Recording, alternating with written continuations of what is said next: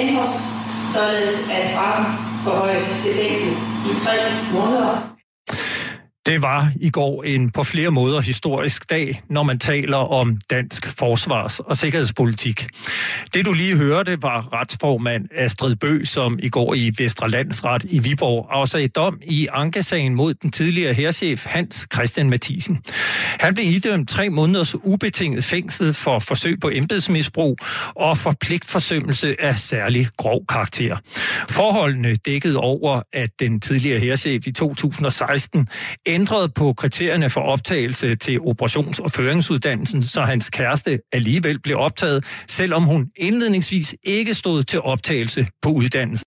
Han blev også dømt for at have forsøgt at påvirke en oberst til at ansætte sin kæreste, og han blev dømt for at have givet sin kæreste permanent adgang til sin tjenestlige mailindbakke, som indeholdt fortrolige oplysninger forbeholdt herchefen.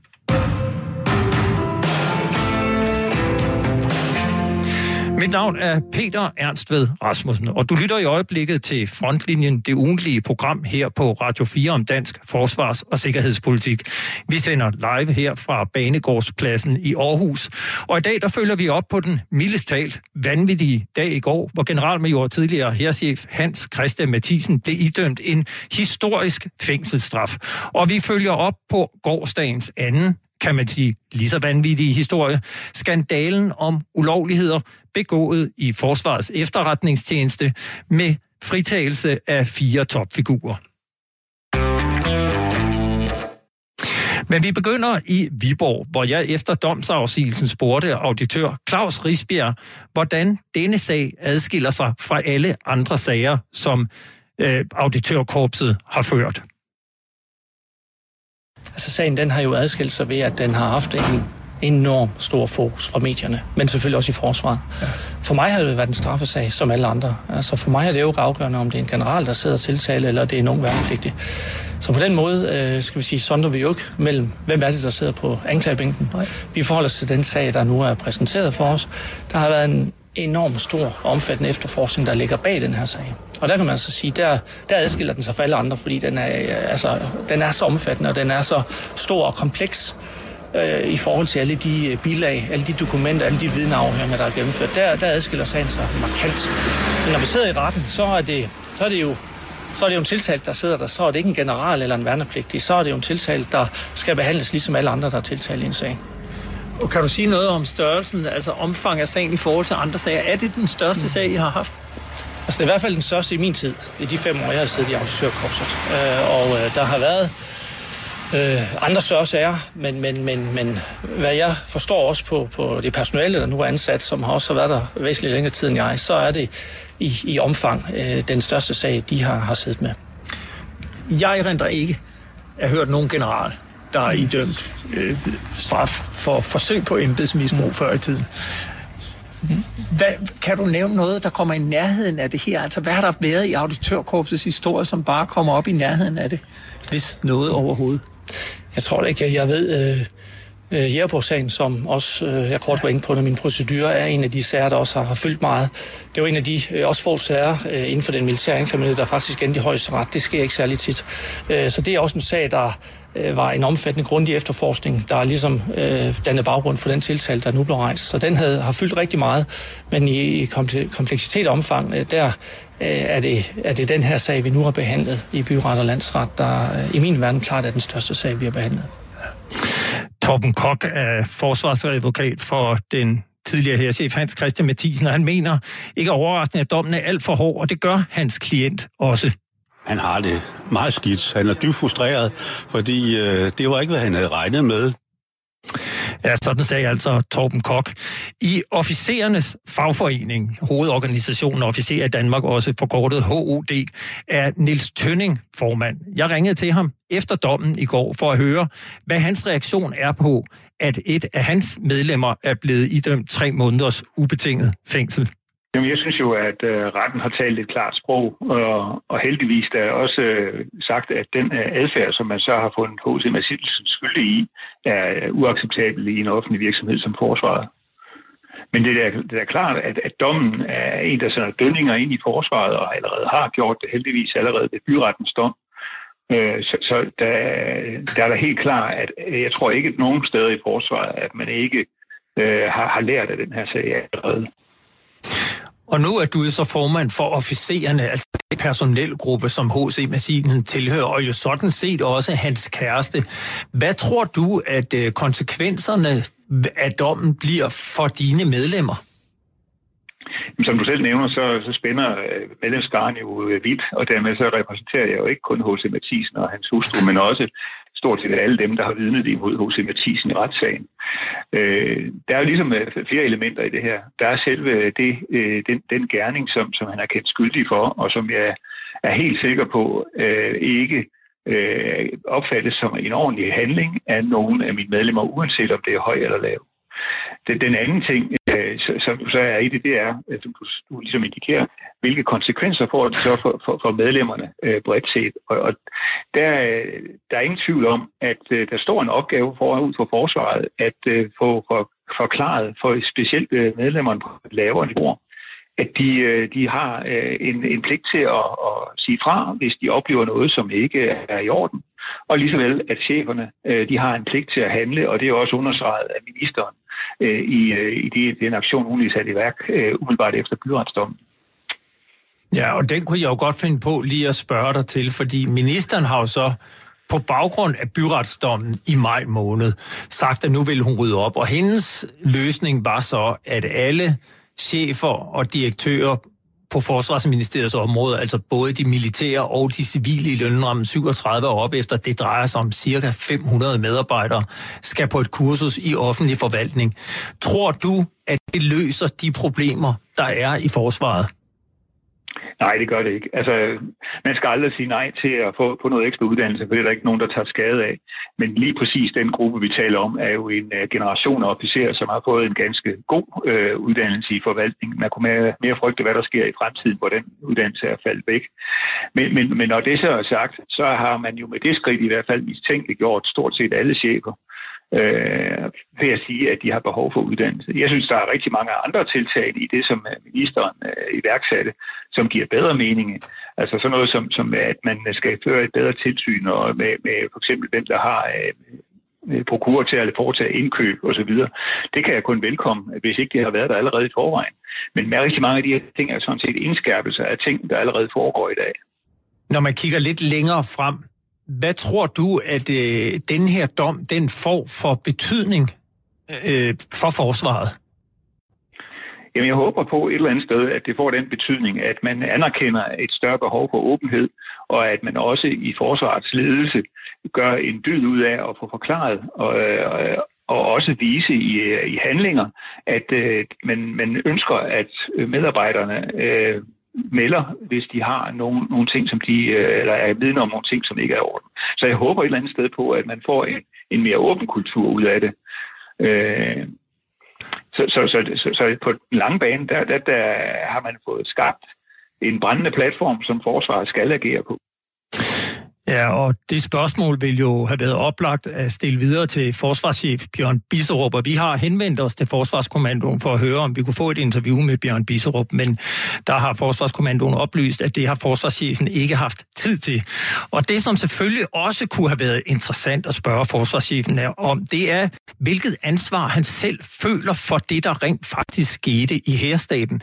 Det hører jo med til historien her, at jeg øh, allerede i efter året 2017, over et år inden den første historie kom ud om Hans Christian Mathisen, spurgte forsvarschefen til sagen, og der mente han ikke rigtigt, der var noget at komme efter, og da artiklen kom ud i oktober 2018, spurgte jeg ham dagen efter til sagen, og hvor han jo dengang sagde, at han kunne ikke se, der var noget at komme efter, han kunne ikke, anony- han kunne ikke øh, reagere på anonyme kilder, han ville ikke iværksætte en undersøgelse, der var ikke noget, der stak ud, og alt det, som han altså ikke kunne se, det er det, som øh, Vestre Landsret i går har taxeret til tre måneders ubetinget fængsel fængsel. Det vil vi selvfølgelig gerne have spurgt forsvarschefen om, men det bliver altså ikke i dag.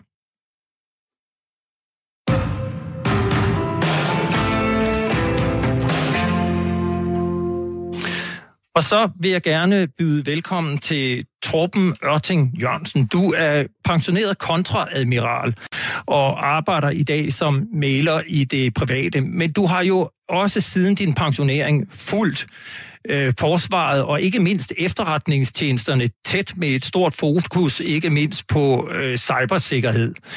Og så skal jeg jo også lige huske at sige, at øh, du har jo været en tro følgesvend for mig. Du sidder i Olfis Advisory Board og er en af mine nære øh, sparringspartnere, når det kommer til øh, artikler, som jeg udkommer med på, på Olfi. Men du kender jo selv Hans Christian Mathisen fra din egen tid i forsvaret. Jeg kunne godt tænke mig indledningsvis at spørge dig, hvad er din reaktion på, at han nu skal tre måneder i fængsel? Ja, min reaktion er, at jeg er oprigtig ked af det. Øh, jeg øh, kender, som du selv siger, HC fra min tid i øh, Forsvarskommandoen, og jeg kender ham kun som en, en god og, og på det tidspunkt særdeles lovende officer og en god kammerat. Og jeg er oprigtig ked af, at den situation, som han er havnet i. Det er ubestrideligt, at, at han har begået fejl, og det øh, er nu øh, blevet idømt en straf for at komme til at, at bære den øh, resten af sine dage. Men, øh, men menneskeligt set, så øh, er det, der interesserer mig lidt i den her sag, øh, som jo ikke er anderledes end mange andre tilsvarende banale sager, hvor øh, man bliver blandet af en fascination og en forelskelse i en partner, øh, så øh, er det mere, hvad er det for nogle mekanismer, der er, der gør, at, at, at vi mener, at vi kan agere på den måde og slippe afsted med det. Og her tror jeg, at vi alle sammen nok øh, skal gribe lidt i egen barm og sige, at vi alle har brug for en lille Jesper Forkylling, der kan øh, sidde på skuldrene af os og fortælle os, hvornår vi bevæger os øh, ud på kanten af det, vi godt ved er rigtigt og forkert. Ja, og, og man kan sige, det var jo ikke den eneste historie, der kom frem i går. Der kom også den historie frem om en skandale i Forsvarets efterretningstjeneste. Jeg kunne godt tænke mig at spørge dig, siger du nogle ligheder mellem de to sager? Når man kan sige, at, øh, at, at som det for mig ser, om, om, om jeg har jo ikke andre oplysninger end dem, jeg har været i stand til at hente øh, i øh, de pressemeddelelser og, og, og tilkendegivelser, der er kommet ud om sagen, altså ser det igen for mig ud som om, at der er tale om nogen, der ikke føler sig underkastet øh, normale regler, men som sætter sine egne spilleregler for det, de foretager sig.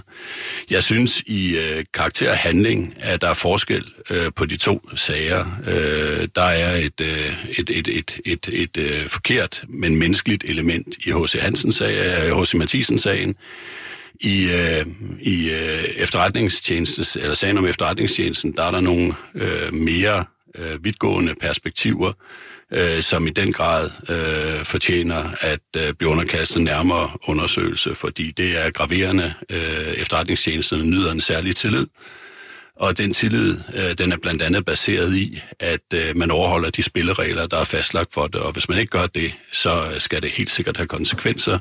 Men hvis man, man tager udgangspunkt sige, i tre øh, måneder til H.C. Mathisen, kan jeg ikke forestille mig, at de bliver øh, værre, hvis øh, de påstande, der er rejst, holder stik.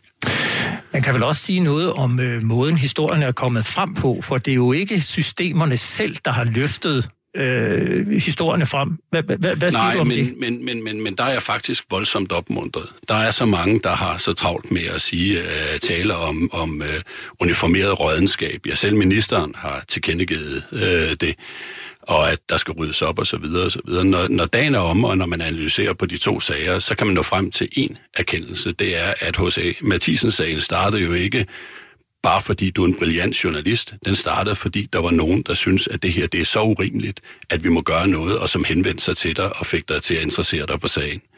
På tilsvarende måde, så er sagen om efterretningstjenesterne, øh, efterretningstjenesten, Forsvars efterretningstjeneste opstået, fordi at der angiveligt er en gruppe medarbejdere, der fandt, at det, man gjorde, var så forkert, at man øh, udøvede den civilkurage, der skal til, for at øh, henvende sig til tæt og gøre opmærksom på det forhold, man fandt uacceptabelt. Og, og tæt skal vi lige sige, det er tilsynet med efterretningstjenester. Ja, og, og i det her, der, der øh, ligger en kraftig understregning af, at øh, forsvaret og forsvarets ansatte er ansatte i langt overvejende grad af hederlige, anstændige, hårdt arbejdende mennesker, der fortjener respekt og anerkendelse, og som også er klar til at stille op, når man bevæger sig ud på den karrieremæssige tynde is. Fordi hvis øh, de to øh, tilfælde, vi taler om her, havde givet bagslag, eller blev taget tidligere i opløbet, eller gjort et eller andet, så kan jeg garantere dig for, at der vil være nogen, der har siddet i udsatte positioner, hvis deres navne og, og ageren var blevet kendt. Og det får mig til lige at øh, rise op, hvad det egentlig er, som denne her sag i Forsvarets efterretningstjeneste, den drejer sig om.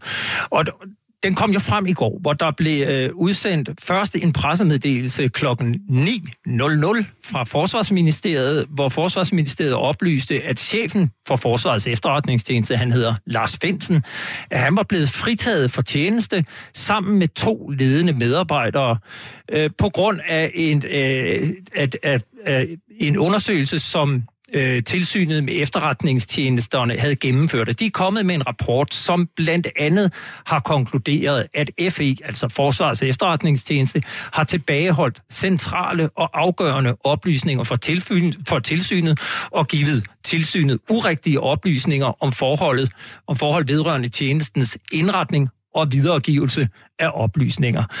Der kom også frem, at øh, der ved øh, centrale dele af Forsvarets efterretningstjeneste indhentningskapaciteter er risiko for, at der uberettiget kan foretages indhentning mod danske statsborgere, og at det indleverede materiale indikerer, at FE's ledelse har undladt at følge op på eller nærmere undersøge indikationer på spionage inden for Forsvarsministeriets område.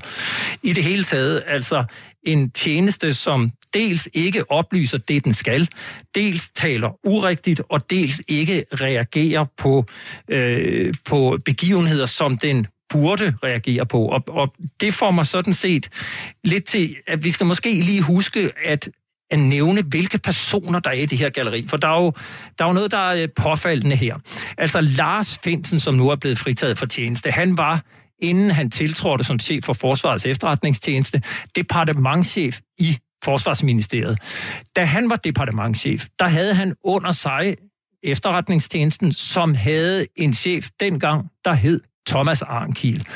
Da Peter Christensen, venstreminister, tiltrådte, øh, eller umiddelbart inden i hvert fald, der, blev, øh, der, der ville han af med Lars Finsen som departementchef, og der skete det, at de to egentlig byttede plads, så departementchefen, Lars Finsen, blev nu chef for Forsvarets efterretningstjeneste, og chefen for Forsvarets efterretningstjeneste, Thomas Arnkild, rykkede pludselig ind og blev departementchef. Og det er altså disse to personer, der er omdrejningspunktet. I sin tid som departementchef har Thomas Arnkild jo også fået voldsom kritik for skandalen om svinden i Forsvarsministeriets ejendomsstyrelse. Det førte her i forsommeren til, at han blev, skal vi sige, i gåseøjne forfremmet til øh, ambassadør i Berlin. Han skulle være tiltrådt om en uge.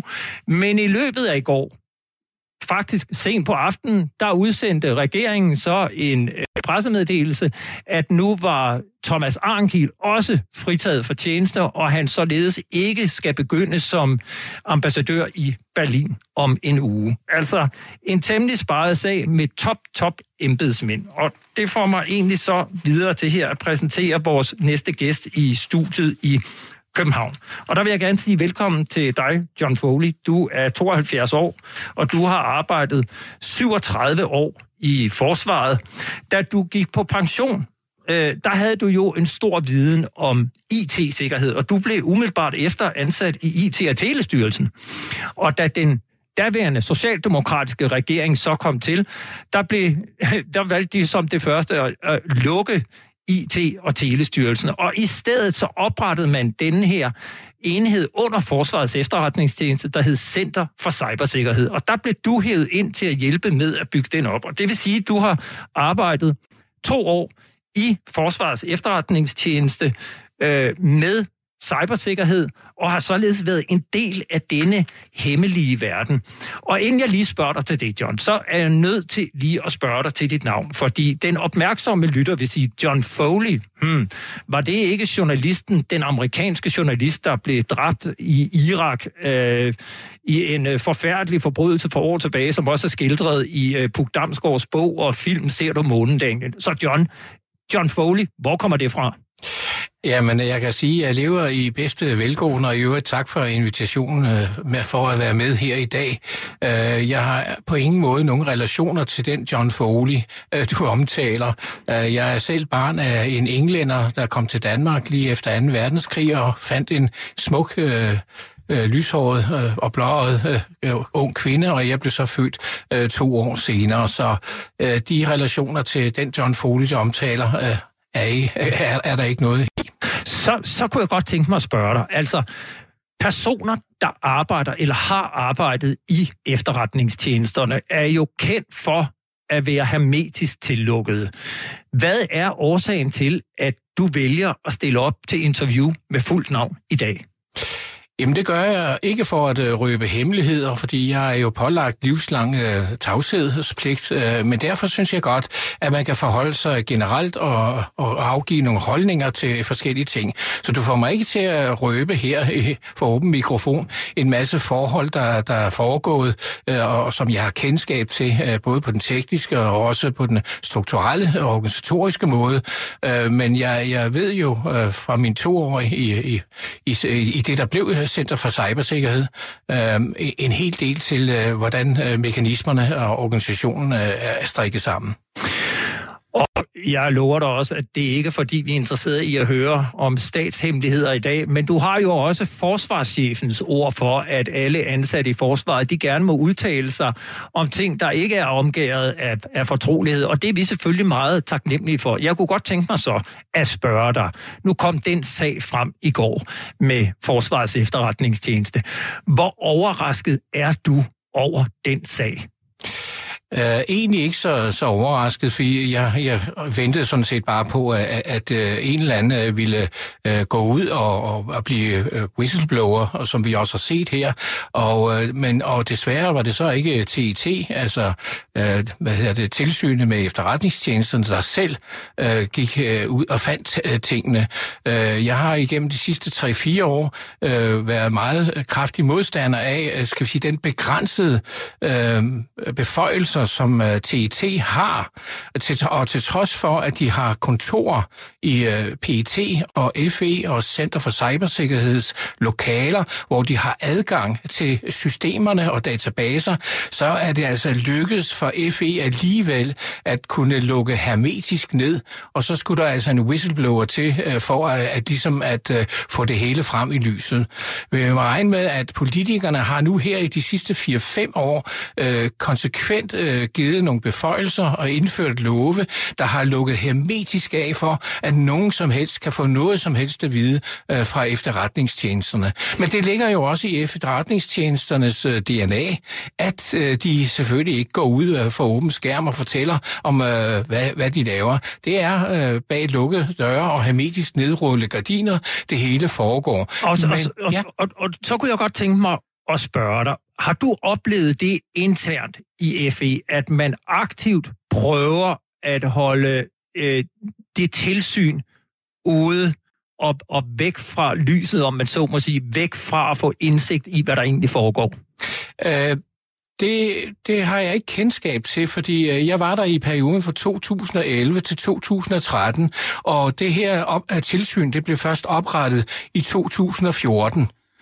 Øh, men derfor foregik der selvfølgelig en masse øh, skal vi sige, efterretningsvirksomhed, som øh, en, en, efter, en, en, en efterretningstjeneste jo normalt gør. Men fortæl så lige, når, når, når du siger, at, at det er svært for tilsynet at arbejde, hvad, er, er det simpelthen tilsynets rammer, som er for løse? Er det simpelthen for svært for tilsynet med det regelsæt, der er, at øh, holde tilsyn med efterretningstjenesten. I allerhøjeste grad. Altså, det eneste, som tilsynet kan foretage sig, det er at undersøge, øh, om der er sket på brud på øh, persondataloven, og om der er foregår nogle registrering af, af personer, som så.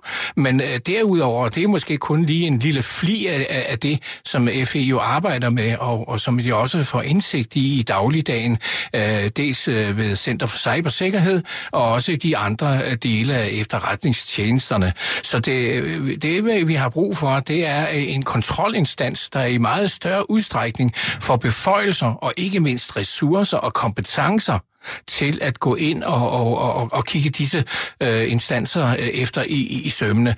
Øh, du må regne med, at det her øh, tilsyn med efterretningstjenesterne, det har jo et sekretariat, og under det sekretariat er der et antal øh, eksperter og, og, og det, øh, så videre der.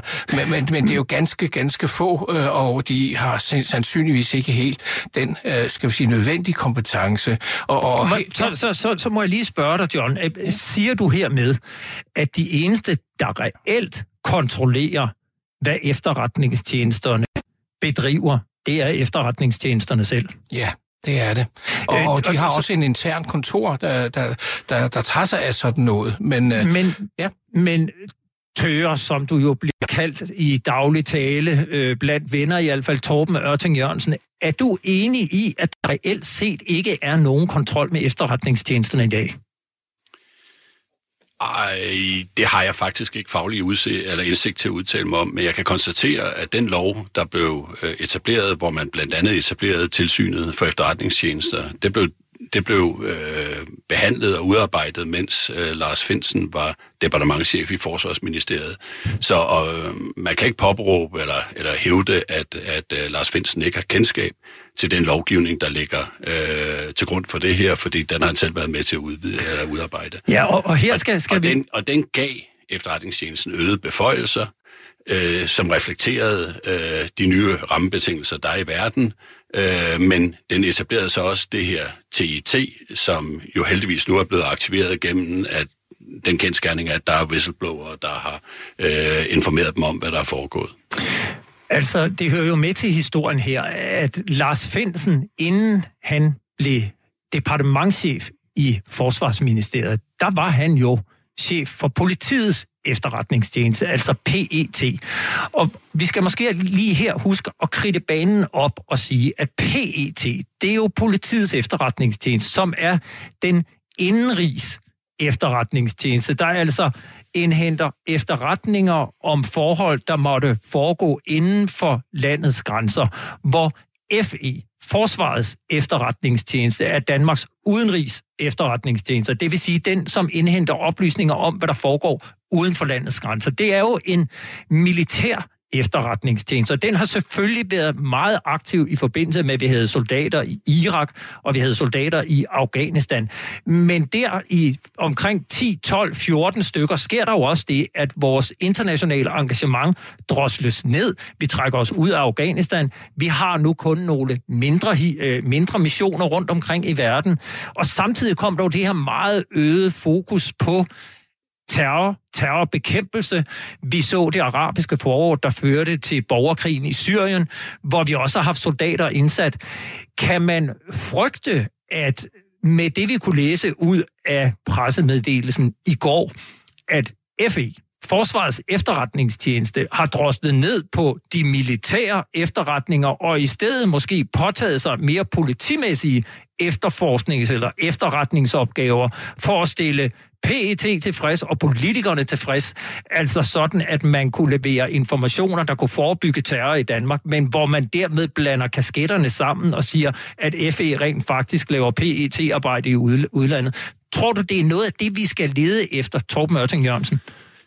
Altså, jeg synes i hvert fald, det er interessant at konstatere, at, øh, at det, som TIT har fundet øh, anledning til at kritisere, det er indhentning af personfølsomme dataer, som ikke var hjælmet i FE's øh, normale aktiviteter.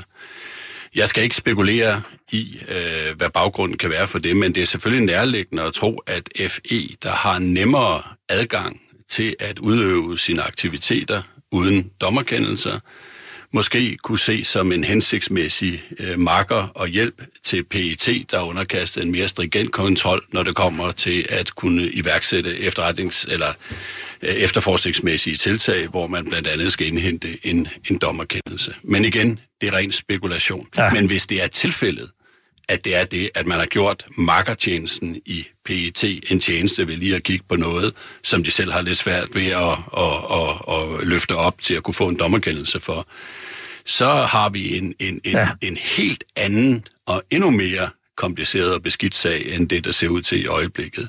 Og så kan man måske i det lys undre sig lidt over, at man har valgt at sætte en, en der bliver hentet fra politiet, og to fra Justitsministeriet ind til at i, i, i, i øh, øh, lede Forsvarets efterretningstjeneste, og, og, og efter det... at de er sendt hjem, øh, de pågældende. Og det synes jeg, der er bestemt, der er grund til at, at, at følge meget opmærksomt med. Det, øh, og det kan vi følge op på lidt senere her. Jeg kunne godt tænke mig lige at øh, spille et kort interview, jeg lavede med Peter Skorup, retsordfører for Dansk Folkeparti tidligere i dag.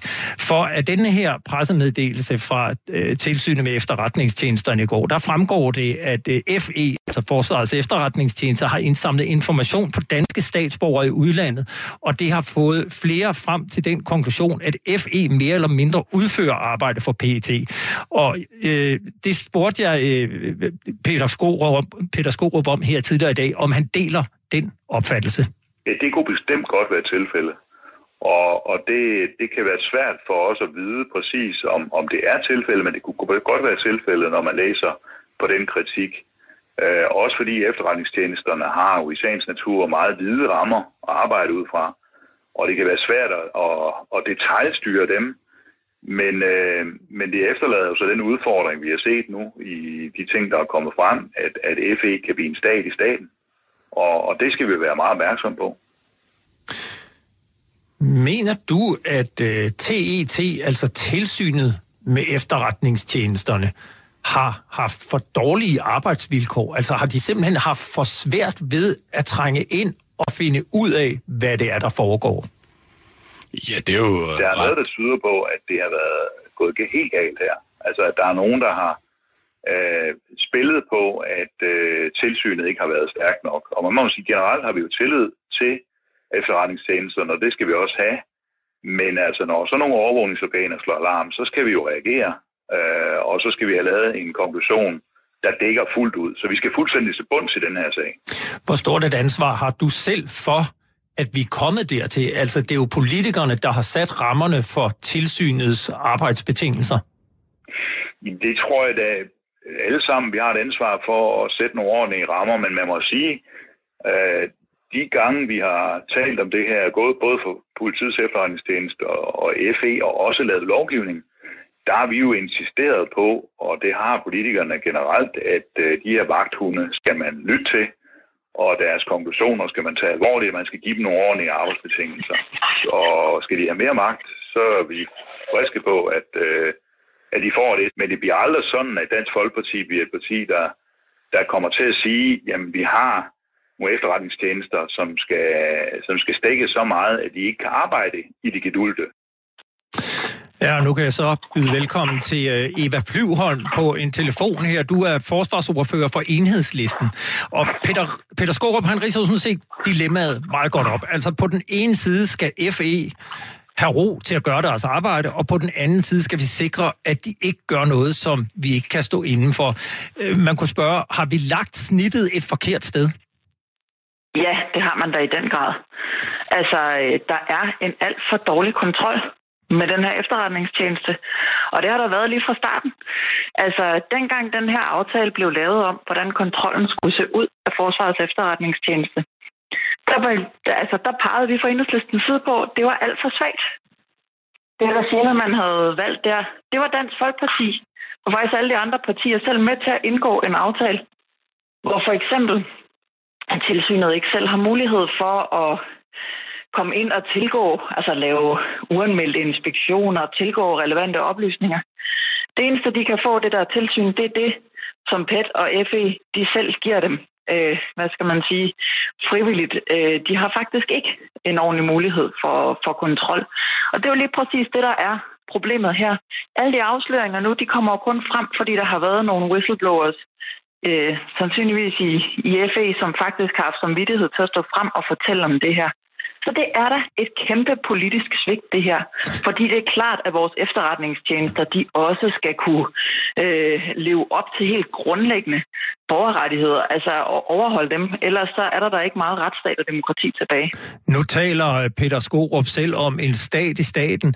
Tror du, at øh, det her, der er kommet frem, at det vil gøre sådan, at man får ændret TET's manglende beføjelser, fordi du siger jo faktisk, at det er jeres, politikernes ansvar, der bare ikke har været flertal for. Tror du, I kan flytte noget på det her nu? Jeg håber da i den grad, at vi kan få lavet om på det her. Altså, dengang øh, tilsynet blev lavet, der stod vi jo fra enhedslistens side desværre helt alene med de bekymringer for, at det her ikke vil, øh, vil være effektivt nok øh, og en god nok kontrol. Men det håber jeg, at alle vil kunne se ret åbenlyst i dag at der er øh, behov for, at vi får strammet op. Og det er det, jeg i hvert fald går til regeringen med, øh, og også til de andre partier med at sige, lad os som et minimum få strammet op på, at at den kontrol den bliver ordentlig. Vi kan bare kigge til vores naboland Norge, hvor de faktisk gør det på en helt anden måde, hvor de har et tilsyn med nogle helt andre muskler. Og det synes jeg da bare, at vi må i gang med hurtigst muligt. Og det må du gerne lige skitsere. Hvad, hvad gør man i Norge? Jamen altså, noget af det, øh, som er den helt store forskel på Norge og Danmark, det er jo altså øh, i, i Danmark, øh, hvis der kom, hvis der er, hvis tilsynet skal have adgang til noget, for eksempel i Forsvarets efterretningstjeneste, så i Danmark, så skal de vide, hvad de skal bede om. De skal bede om at få det udleveret, og så får de kun det, de beder om. Ellers så har de ikke nogen mulighed for at komme ind og kigge på noget. I Norge, der har de mulighed for at komme, troppe op uanmeldt på kontoret, øh, blive logget ind på, på IT-programmerne og selv lede igennem øh, alt materialet. Det er jo en meget, meget stor forskel, at de selv aktivt har den adgang fra tilsynet i Norge, som man slet ikke har i Danmark. De har flere ansatte. Øh, de har i det hele taget også bemyndigelse til at udtale kritik på en helt anden måde, end man også har i Danmark. Altså det, at tilsynet går ud og er så klare nu, det er faktisk, det er faktisk ret historisk, og det er ikke engang helt det, der ligger øh, i deres ramme, men de har jo heldigvis gjort det alligevel. Der har jo været nogle mennesker, der var samvittighedsfulde nok til det, men det var heller aldrig lykkes, hvis ikke man også havde haft de her whistleblowers. Så jeg tror bare, at vi er nødt til at se på, at det skal konstrueres meget anderledes, hvis vi skal kunne øh, lave et net, der griber, at det her ikke sker igen. Fordi det er fuldstændig uacceptabelt, at man har efterretningstjenester, som kan øh, agere sådan på den måde. Nu har, det, der, det foregår nu. nu har Dansk Folkeparti øh, åbenbart her til formiddag meldt ud, at det også mener, at Forsvarsministeriet skal undergå en undersøgelse. Altså, uden at jeg har læst mig ind på det, så kan man jo i hvert fald konstatere, at de to ledere af Forsvarsministeriets departement, de to seneste ledere, Thomas Arnkiel og Lars Finsen, begge har været chefer for Forsvarets efterretningstjeneste.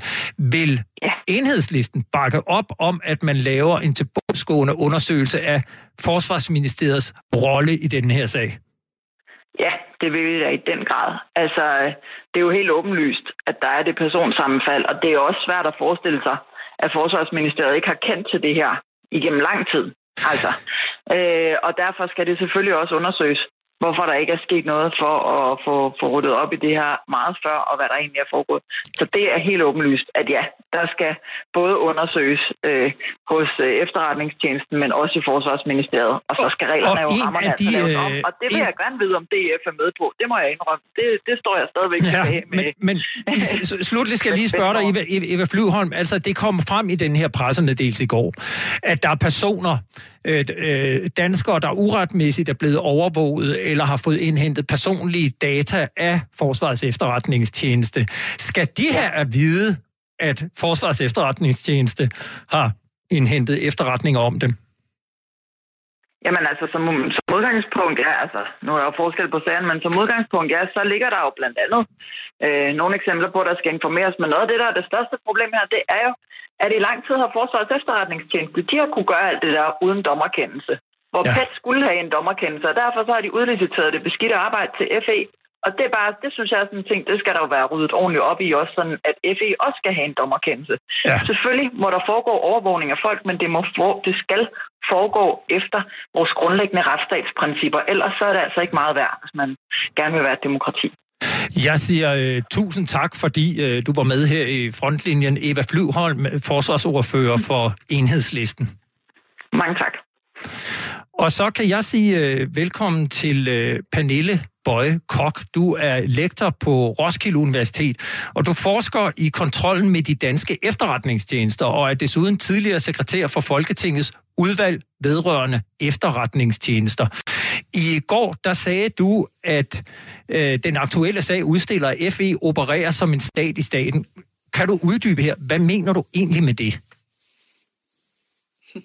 Ja, det, det er jo dramatiske ord, kan man sige, men jeg synes også, det er en meget alvorlig sag.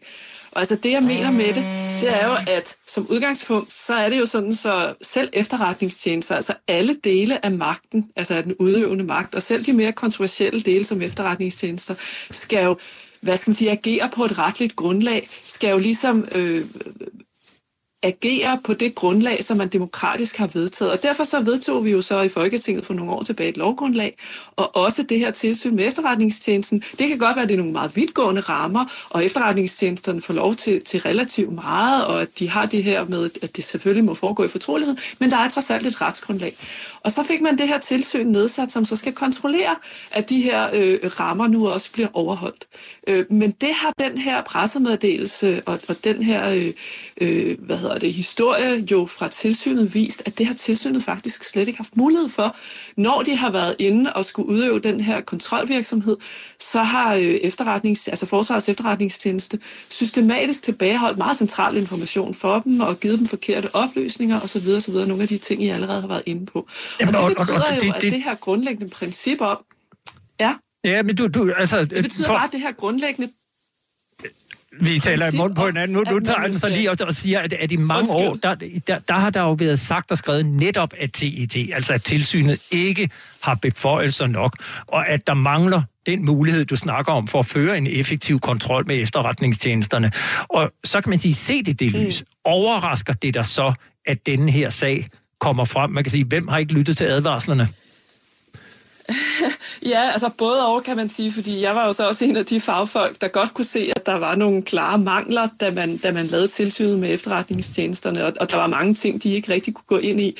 Øh, så, så på den måde overrasker det mig ikke, at, at, at der er en masse, man ikke kan kontrollere, men den overrasker mig så alligevel, fordi jeg havde faktisk ikke forestillet mig, at man systematisk havde, hvad skal man sige, obstrueret den smule tilsyn, som tilsynet dog har fået adgang til at foretage, den har man jo heller ikke reelt kunne foretage, fordi man netop ikke har fået et sandfærdigt billede af, hvordan det er, efterretningstjenesten har ageret. Så, så jeg synes, det kan godt være, at vi kunne se, at der var nogle klare svagheder i systemet, men jeg synes alligevel, at det her er overraskende, fordi selv det, som, som tilsynet faktisk ifølge loven skulle kunne kontrollere, har man heller slet ikke haft mulighed for at gøre ordentligt. Og så kan man sige, at nu er tre medarbejdere sendt hjem, inklusiv de to seneste chefer for Forsvarets efterretningstjeneste. Hvor dybt tror du, at øh, det her det stikker? Ja, altså det skal man jo selvfølgelig altid passe rigtig meget på med at udtale sig om, fordi vi ved jo ikke særlig meget, øh, og, og det er rigtig svært at sige noget om, øh, Øh, hvad hændelsesforløbet har været, og hvor mange der har været involveret osv. osv. Men, men jeg, jeg synes dog, man kan sige, at det er nok naivt at forestille sig, at det kun er ganske få personer. Meget tyder jo på, og det er jo også det, tilsynet siger, som jo har været meget mere nede i de her sager, også meget mere end hvad vi kan se af pressemeddelelsen. De siger jo, at, at de har ligesom kunne konstatere, at der er det, man kan, det, de, det, de kalder en uhensigtsmæssig legalitetskultur. og det kan man grine lidt af, fordi det handler jo i virkeligheden om, at der har været en kultur, hvor det ikke var særlig vigtigt, om man overholdt lovgivningen. Øh, så de synes jo i hvert fald, at de har kunne se nogle klare, en klar dokumentation for, at der er tale om et mere kulturelt problem. Ergo er der formentlig ikke kun tale om enkeltpersoner, som, som har, har været med til det her, men der har været mere tale om en mere generel kultur. Det tyder meget på, synes jeg trods alt, man kan sige. Øh, man kan sige, at det er selvfølgelig vanskeligt at føre en gennemsigtig og åben kontrol med efterretningstjenesterne, fordi de naturligvis og af naturlige årsager arbejder med yderst, følelse, yderst følsomme hemmelighed omkring rigets sikkerhed. Men øh, Eva Flyvholm nævner Norge, som hun mener har en, øh, et bedre tilsyn. Kan du pege på andre lande, måske ud over Norge, der har øh, bedre kontrol med deres efterretningstjenester, end Danmark har? Ja, altså, Øh, man kunne faktisk pege på flere, fordi i sådan en international sammenligning, så står det danske kontrolsystem heller ikke særlig stærkt. Noget af det, man plejer at pege på ud over Norge, er også lande som for eksempel Holland og Belgien. Men, men altså, det er svært at sige, at der er et ideelt system, men, men jeg vil gerne sige, at noget af det, som det danske system klart mangler, og som for eksempel Norge og Holland har, det er, at tilsynsorganet eller kontrolorganet har et helt bredt kompetencefelt, kan gå ind i alle dele af efterretningstjenesternes virksomhed. Det har de, det danske tilsyn slet ikke mulighed for nu. Der er store dele af tjenesternes arbejde, som man slet ikke har kompetence til at kigge ind i. Det er kun det her med behandling af personoplysninger, der, der er det primære øh, område for det danske tilsyn. Men alt, hvad der handler om for eksempel internationale samarbejder med andre tjenester og, og hvad hedder det, øh, meddeler, agenter for eksempel. Der er rigtig mange, også kontroversielle dele af efterretningstjenesternes virksomhed, som det danske tilsyn ikke har mulighed for at gå ind i. Så det er det ene aspekt. Og det andet aspekt, det er også det her med, at man heller ikke har særlig håndfaste reaktionsmuligheder. Man har ikke mulighed for at træffe egentlige afgørelser, som efterretningstjenesterne er juridisk forpligtet til at efterleve. Og det er også noget af det, som de mere håndfaste systemer typisk vil have indarbejdet. Altså i andre lande vil man også have mulighed for at træffe egentlige afgørelser, som efterretningstjenesterne død og pine skal rette sig efter. Så, så det er de to af de aspekter, man kan pege på. Og det kommer vi helt sikkert til at høre mere om. Og jeg vil i hvert fald sige tusind tak, fordi at øh, du var med her i frontlinjen på Radio 4. Tak skal du have. Ja, selv Ja, og vi har jo så stadigvæk i studiet i København øh, Torben Ørting Jørgensen, pensioneret kontradmiral, og John Foley, tidligere medarbejder i øh, Forsvarets efterretningstjeneste.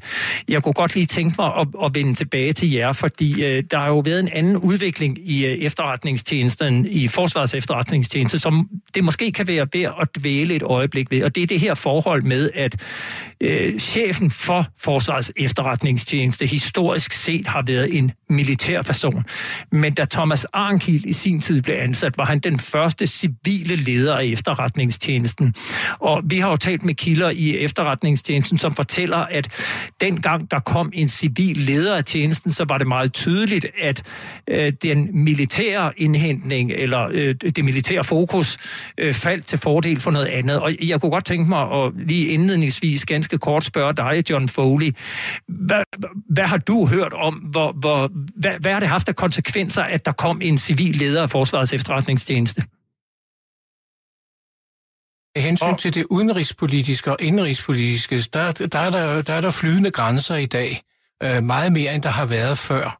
Det, det der med, at PET tager sig af alt inden, inden for grænserne, og FE uden for grænserne, øh, det er jo fuldstændig, øh, øh skal vi sige, øh, noget nyt, øh, da vi fik Center for Cybersikkerhed, der jo er den nationale IT-sikkerhedsmyndighed, og kan hente en masse informationer internt, og på den vis er grænserne jo nu meget flydende.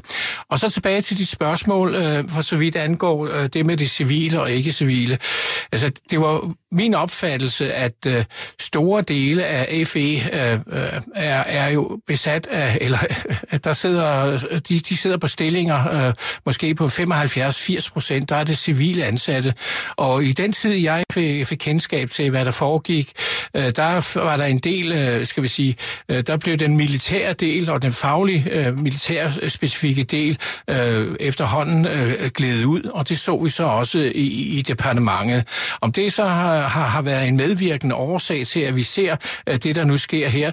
Uh, der kan jeg ikke se en umiddelbar kobling. Jeg kan bare konstatere, at uh, den militærfaglige, savlige del uh, blev formindsket i betydelig grad, uh, mens jeg uh, var der, og også uh, efter. Øh, Torben Mørting Jørgensen, øh, tror du, at øh, man kan tolke noget i det her, som du selv var inde på, altså at den chef, der nu er sat ind som erstatning for Lars Finsen, kommer fra politiet og ikke fra det militære? Ja, altså hvis man er, er rigtig perfid, øh, så kunne man jo øh, fristes til at mene, at øh, det kunne være for at kontrollere, hvad man nu undersøger sig frem til, øh, kommer ud navnlig, hvis øh, der er en fli over i øh, øh, samarbejdspartneren øh, i, i PET, men det har jeg igen ikke indsigt nok til at udtale mig bombastisk om. Men jeg vil godt lige gå tilbage til, til, til håndvasken, hvor der står mange politikere og vasker øh, hænder lige i øjeblikket. Altså, PET er en af de organisationer, eller FE er en af de organisationer, der har vokset, fået tilført midler, ubegrænsede midler, ud fra en eller anden opfattelse af, at man ved at tilføje Center for Cybersikkerhed til at tilføre forsvarets offensive cyberkapaciteter, lægge dem under øh, FET, eller FE, at så kan man få udgifterne afholdt over forsvarsbudgettet. Det pynter på vores egenskab ned til NATO, og det var en udgift, som man alligevel skulle overholde. Man kunne måske godt sende en stikpille tilbage til, øh, til politikerne og så sige, om deres kræmmermentalitet i det her tilfælde ikke har nået øh, sin øvre grænse, og at man nu skal kigge lidt på, hvad er det for en organisation, et konglomerat, man har skabt, og om det overhovedet kan håndteres, specielt når det kommer ind i områder, hvor det også skal øh, udøve magt, som for eksempel offensiv cyber, øh, cyberoperationer, som jeg synes skulle henhøre under øh, forsvarets søjle rent. Så... Og, og, og, og fortæl, hvorfor? Altså argumentet, jeg har til interviewet Thomas Lund Sørensen for tid tilbage, han er chef for det, der hedder Center for Cybersikkerhed under Forsvarets efterretningstjeneste. Han argumenterer jo med, ligesom øh, forsvarsministeren, den, eller undskyld, den daværende forsvarsminister Claus Hjort Frederiksen, at det, at vi har det liggende under efterretningstjeneste lige præcis giver den danske cybersikkerhedstjeneste en lang række informationer fra udlandet, vi ikke kunne få, hvis det ikke lå under øh, forsvarets efterretningstjeneste. Hvad er problemet ved det, hvis der er så store fordele? Jamen problemet ved det, det er, at, at det egentlige problem for Danmark ikke kun er øh, statslige øh, cyberudfordringer øh, med, med magter, der forsøger at spionere og, og penetrere danske øh, systemer. 80 procent af, af, af opgavekomplekset hidrører fra øh, almindelig berigelseskriminalitet. Det er det, vi alle sammen, virksomhederne og alle mulige andre lider under. Helt modsat den fordeling i problemstillingen, så har man så valgt at lægge det her under forsvars efterretningstjeneste, hvor man skulle have fundet en, en, en anden og helt mere holistisk løsning og anbragt under statsministeriet, eller øh, som man gør i Israel eller andre steder, og så sige, at det her det er et samfundsproblem, som ikke kender sektorielle grænser, men hvor vi alle sammen skal løfte i flok og koordinere indsatsen, og det kan vi passende lægge under statsministeriet. I stedet har man igen ud fra en smålig betragtning om, at det her det kunne pynte på det forsvarsbudget, man ikke er villig til at betale til, kastede alle udgifter og alle investeringer ind i øh, Forsvarsministeriets område. Ikke fordi sagsområdet naturligt henhører til det, men fordi man ønsker at se bedre ud, når man skal stille op til Bøllebank hos præsident Trump eller i NATO. Og, og det vil sige, du mener grundlæggende, at, at der er økonomiske interesser i at holde det danske forsvarsbudget så lavt som muligt, i at lægge det, der hedder Center for Cybersikkerhed, ind under Forsvarets efterretningstjeneste langt mere end det faglige overvejelser? Ja, altså der er ingen som helst politisk vilje til at forøge forsvarsbudgettet, selvom at man fra politisk side har sagt ja til, at forsvarsbudgettet skal være 2% af BNP nede i NATO. Det er der ikke nogen, der har tvunget vores øh, øh, regeringschefer til at gå ned og, og, og give tilsavn om. Det er øh, den udgift, der skal til for, at vi er med i, den her, i det her fællesskab, der hedder NATO. Det gør vi så alle mulige anstrengelser for at slippe så billigt ud af som overhovedet muligt. Den første reaktion, hvor vi øh, lavede substantielle løft på forsvarsbudgettet, det var at gå ned og kigge på alle de muligheder, der var for at puste vores øh, øh forsvarsbevillinger op ved at tage pensioner og alt muligt andet ind, og dermed sammenligner os med andre, der øh, benchmarker på samme måde. Det gav ikke en millimeter forsvar mere. På tilsvarende vis har man kunne se, at der var behov for det her øh, cyberområde og styrke indsatsen på dette område.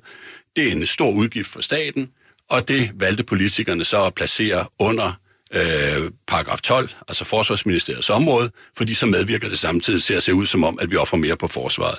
Det giver ikke fem flade øre mere forsvar på den konto. Og det kunne jeg godt tænke mig lige at øh, spørge dig om, John Foley, fordi du har jo så arbejdet i Center for Cybersikkerhed under Forsvarets efterretningstjeneste. Deler du Torben Mørting Jørgensens opfattelse? 100 procent. Øh, det kan ikke siges mere klart og tydeligt. Det er sagens kerne. Øh, Center for Cybersikkerhed hører ikke ind under FE. Vi skal ud under et øh, civil øh, instans- og kontrolorgan, om det er så i statsministeriet eller et andet ministerium, øh, det er ikke det, det drejer sig om. 80-90 procent af problemerne, det er ikke relateret til det militære del af det. Det er beskyttelse af vores befolkning og vores virksomheder og den enkelte borger, vi har brug for i denne her sammenhæng. Og der gøres ikke nok, og pengene er brugt forkert der, hvor man bruger dem nu. Så og, kunne jeg ja, godt, undskyld, godt lige, ja. altså vi har ikke så lang tid tilbage. Nej. Jeg kunne godt tænke mig lige at spørge jer begge to, inden vi lukker af her. Vi har et uh, lidt over et minut tilbage. Hvad skal der ske herfra, John Foley? Jamen, øh, først og fremmest skal man øh, få fat i den der undersøgelse, og det er ikke tilfældigt, hvad for en, hvilken undersøgelse man skal have gennemført. Det skal være en uvildig undersøgelse, og det skal ikke være et, et eller andet internt, hvor vi kun får nogle konklusioner til sidst i overskrifter. Vi skal til bunds i den her sag, som flere af politikerne også øh, tilkendegiver her. Og så skal vi begynde at kigge på en omorganisering, om, omstrukturering af den måde, man gør øh, tingene på i FE og Center for Cybersikkerhed. Og Torben Jørgensen, jeg, synes, altså jeg, jeg vil være meget påpasselig med at nedsætte større kommissioner og undersøgelser. Det her, det er i mine øjne en fuldstændig banal sag. Altså hvis den er lagt frem, og hvis der står til trone, at man har en lovgivning, som chefen for forsvaret, cheferne for forsvarets efterretningstjeneste ikke har fuldt, så skal der sanktioneres med det samme. Og så kan man så bruge kræfter og energi på at drage kon- afledte konklusioner, herunder se på, øh, på forsvarets efterretningstjenestens organisation, om man har gjort det rigtigt. Og det, det har man det, ikke. Det blev det sidste ord i denne her omgang. Jeg vil sige tak til jer, Torben Mørting Jørgensen, pensioneret kontradmiral, og John Foley, fordi I var med. Tak til gæsterne. Det var, hvad vi nåede at have med i denne udgave af Frontlinjen. Har du ris, ros og kommentarer, så skriv en mail på frontlinjen, snablag radio4.dk, og så høres vi ved om en uge.